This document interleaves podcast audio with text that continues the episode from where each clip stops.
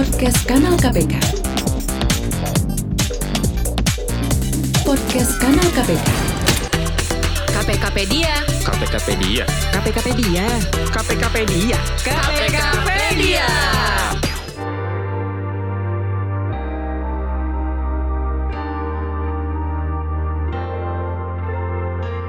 Hai kawan aksi, kita bersama lagi di podcast kanal KPK dalam program KPKpedia. Saya Freni dan saat ini saya sudah bersama tamu spesial dan kita bakal ngobrol yang spesial juga tentunya. Tapi sebelum masuk ke obrolan, saya pingin infoin dulu nih ke kawan aksi. Karena sejak Undang-Undang nomor 19 tahun 2019 tentang KPK, di KPK itu sekarang punya Dewan Pengawas ya. Dewan Pengawas atau Dewas KPK ini hadir dalam kelembagaan KPK yang bertugas menjamin azas-azas yang tercantum dalam pasal 5 Undang-Undang KPK, yaitu kepastian hukum, keterbukaan, akuntabilitas, kepentingan umum, proporsionalitas, dan penghormatan terhadap hak azazi manusia. Semua itu dilakukan melalui pengawasan dalam pelaksanaan tugas dan wewenang KPK, mengevaluasi terhadap kinerja pimpinan KPK, serta pemeriksaan dan penjatuhan sanksi atas pelanggaran kode etik yang dilakukan pimpinan dan pegawai KPK.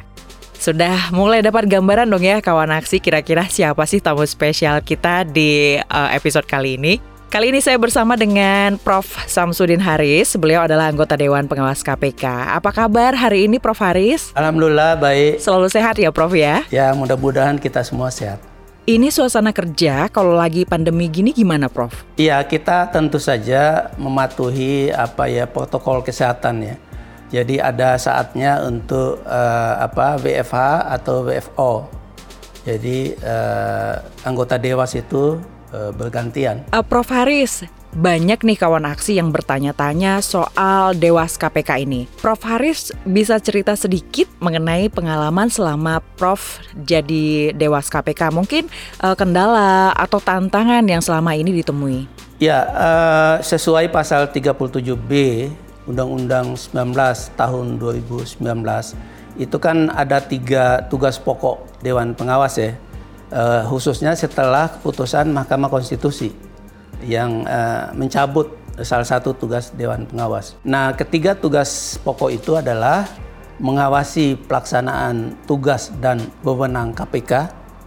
Kemudian yang kedua itu uh, menegakkan kode etik dan yang ketiga uh, melakukan evaluasi kinerja pimpinan dan pegawai KPK. Nah, dalam uh, pengalaman Dewas selama dua hampir dua tahun ini Memang ketiga-tiga tugas itu kita sudah laksanakan terkait dengan pengawasan uh, pelaksanaan uh, kinerja eh, KPK, tugas dan KPK itu kita menerima banyak pengaduan. Pengaduan terkait dengan uh, penindakan, pencegahan dan lain sebagainya. Begitu juga terkait dengan uh, kode etik jadi dugaan pelanggaran kode etik yang dilakukan oleh insan KPK. Nah, setelah itu kita melakukan evaluasi kinerja pimpinan yang di dalam undang-undang wajib dilakukan minimal sekali dalam setahun, yaitu evaluasi kinerja pimpinan dan pegawai KPK. Kalau ditanyakan eh, apa hambatan atau kendalanya, eh, tentu eh, ada saja kendala itu bagaimanapun eh, tidak semua orang atau tidak semua kita mau diawasi.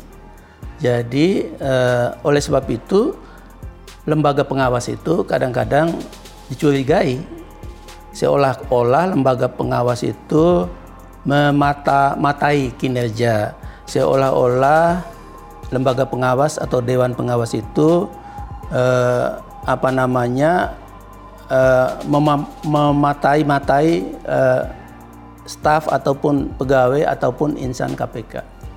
Nah, kendala yang lain adalah bahwa kalau kita mau jujur di dalam Undang-Undang 19 tahun 2019 itu ada tugas tapi kewenangannya itu sendiri sebetulnya terbatas ya. Misalnya dalam penegakan uh, kode etik kita kan akan memanggil saksi-saksi. Nah, dalam pemanggilan Eh, saksi-saksi uh, itu Dewan Pengawas tidak memiliki daya paksa, tidak bisa memaksa bahwa saksi itu mesti hadir misalnya.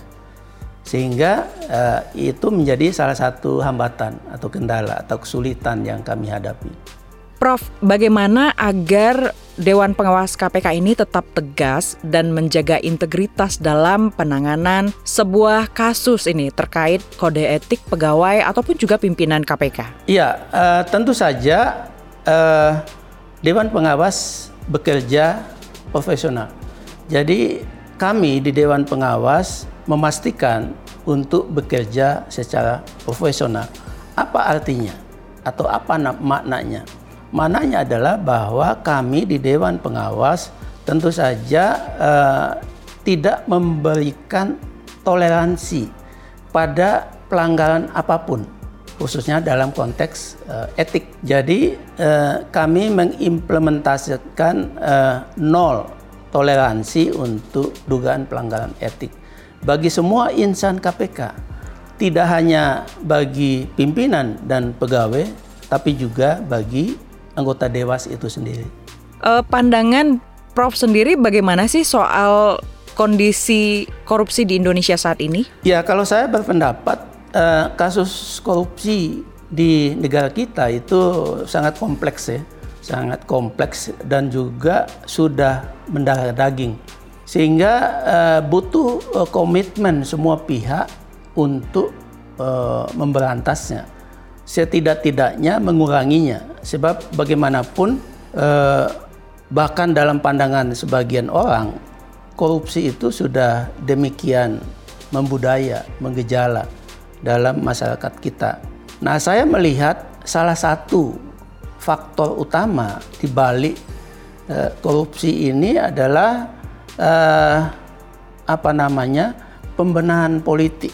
Pembenahan politik yang tidak sungguh-sungguh saya berpendapat bahwa kasus-kasus korupsi itu sebagian berakar pada politik yang masih tertutup, politik yang masih mengabaikan pentingnya saling mengawasi, politik yang cenderung mengutamakan eh, katakanlah personality, yang lebih mengutamakan uh, apa namanya uh, kepemimpinan yang uh, feodalistik dan lain sebagainya, paternalistik atau politik yang tidak mau dikoreksi itu menjadi sumber korupsi.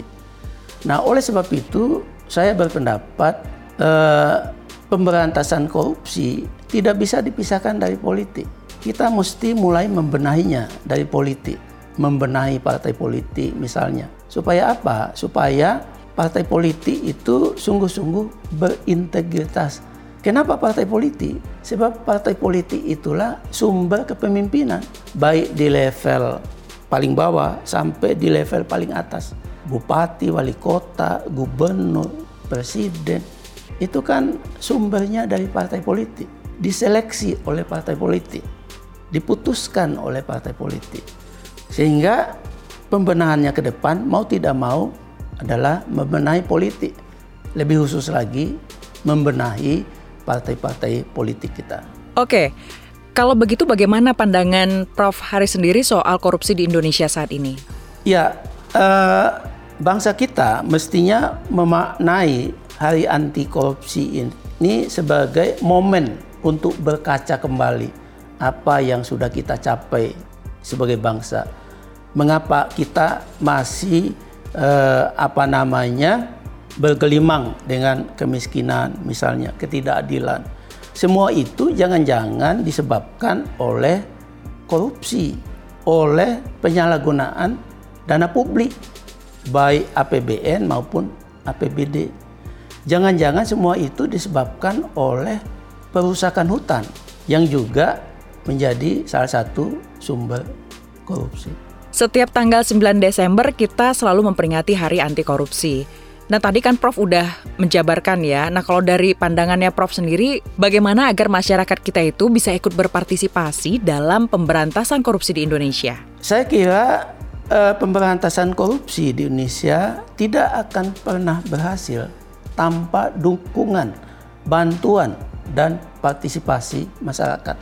Itu sudah kita lihat selama 20 tahun ini. Eh, KPK sendiri itu muncul atas desakan masyarakat. Pemerintahan yang bersih juga muncul atas desakan publik. Undang-undang tipikor pemberantasan tindak pidana korupsi itu muncul atas desakan publik. Nah, oleh sebab itu tidak bisa tidak pemberantasan korupsi membutuhkan dukungan dan juga keterlibatan serta partisipasi masyarakat. Tanpa partisipasi masyarakat, KPK khususnya dan lembaga-lembaga pemberantasan korupsi pada umumnya tidak bisa berbuat banyak. Jadi baik KPK maupun pihak lain, entah itu kepolisian, entah itu kejaksaan, juga membutuhkan dukungan dan partisipasi masyarakat. Prof. Haris, ada pesan nggak sih untuk masyarakat Indonesia di saat kita memperingati Hari Anti Korupsi di tanggal 9 Desember ini? Ya, uh, tentu saja ada. Yaitu bagaimana kita semua sebagai bangsa menjadikan korupsi itu sebagai musuh bersama. Sebab bangsa ini bisa jauh lebih maju dengan sumber daya alam yang luar biasa apabila korupsi ini betul-betul bisa dinihilkan apabila penyalahgunaan kekuasaan, pengambilan dana publik melalui APBD, APBN itu bisa dihentikan. Apabila segenap uh, sumber daya bangsa itu diabadikan uh, untuk keadilan dan kesejahteraan kolektif. Nah, ini mungkin tantangan uh, bangsa kita ke depan. Bagaimana uh, menciptakan pemerintahan dan tata kelola uh, governance yang bersih, baik, dan juga bebas korupsi. Baik, terima kasih Prof Haris untuk eh, ngobrol-ngobrol kita di kesempatan kali ini. Sama-sama. Mungkin lain kali waktu kita sambung kembali ya Prof ya.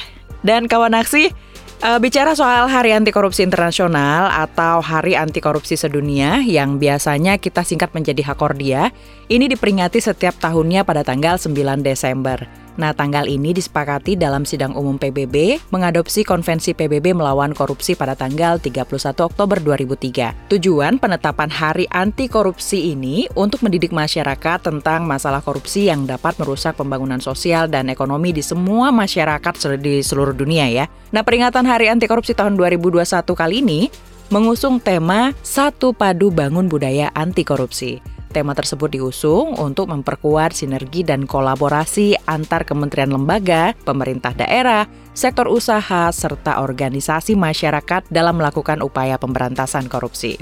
Oke, jadi semoga saja dengan kita memperingati Hari Anti Korupsi Sedunia tahun ini, kita juga sama-sama semangat untuk bersama-sama bersatu padu bahu-membahu melawan korupsi di Indonesia.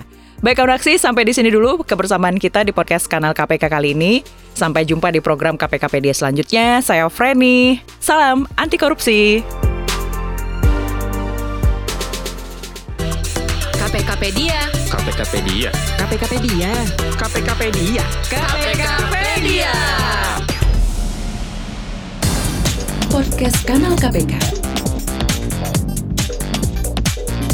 Podcast Kanal KPK.